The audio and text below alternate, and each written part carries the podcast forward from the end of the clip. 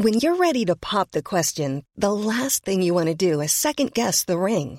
At Bluenile.com, you can design a one of a kind ring with the ease and convenience of shopping online. Choose your diamond and setting. When you find the one, you'll get it delivered right to your door. Go to Bluenile.com and use promo code LISTEN to get $50 off your purchase of $500 or more. That's code LISTEN at Bluenile.com for $50 off your purchase. Bluenile.com code LISTEN.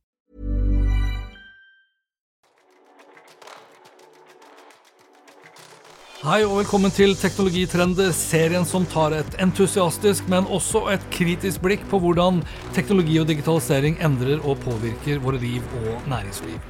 Episoden presenteres av Episenter, Oslos hub for digital innovasjon og et økosystem for innovative selskaper i vekst. Gå inn på episenteroslo.com og bli medlem du også.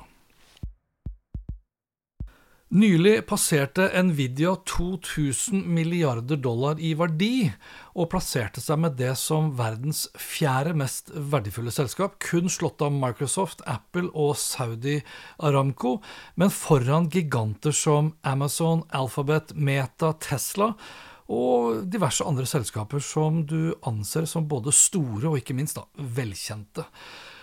For det er ikke så veldig mange, tror jeg, som egentlig kjenner så veldig godt til Nvidia. Det tok f.eks.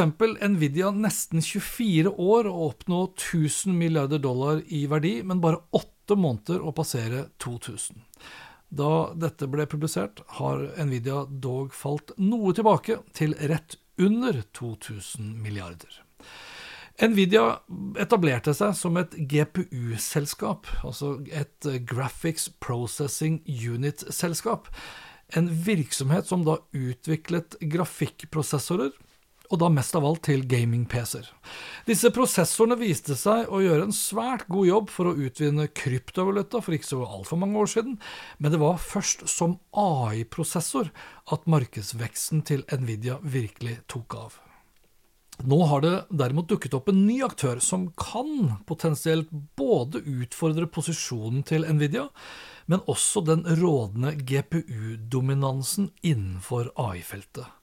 Grok med Q er et relativt ukjent selskap og må ikke misforstås med Elon Musk sin chatbot Grok med K.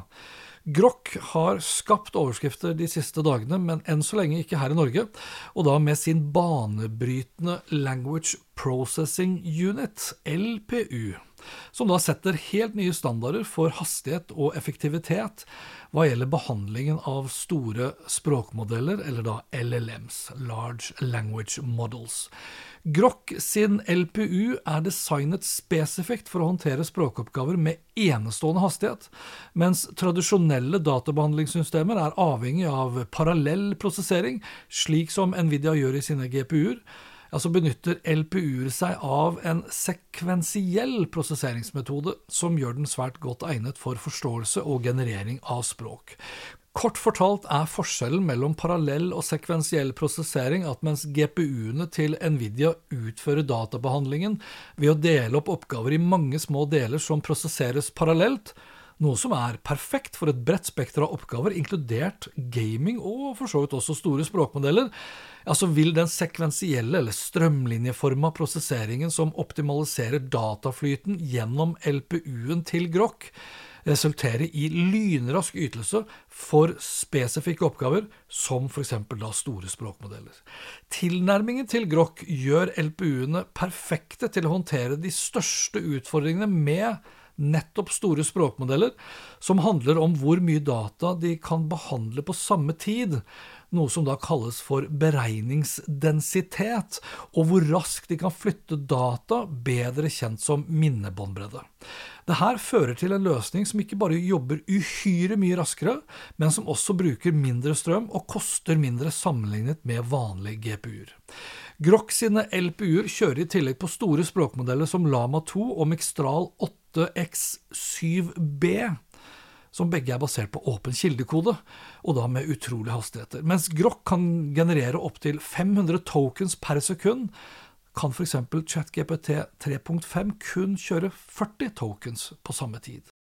En token i denne sammenhengen her kan ses på som et stykke av den teksten som modellen behandler til enhver tid.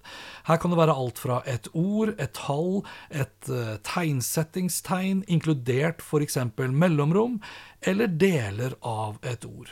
Og tokens er de grunnleggende byggesteinene som benyttes av både store språkmodeller, men i det store og hele av de fleste generative AI-tjenestene.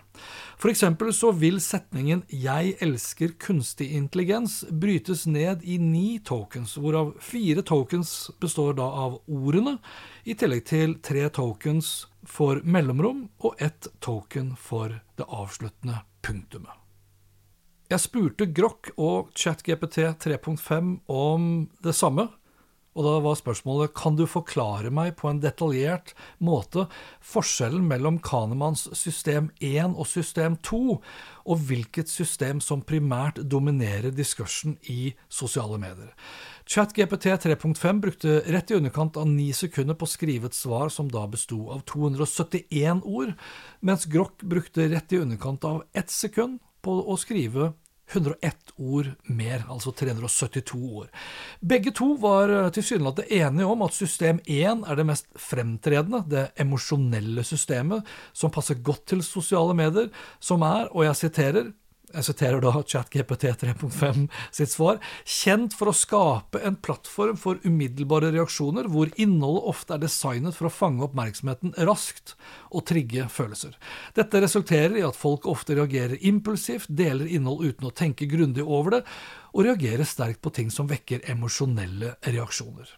Jeg stilte for øvrig samme spørsmål til ChatGPT4, som brukte ett minutt og ni sekunder på å skrive 497 ord bestående av et veldig godt og detaljert svar.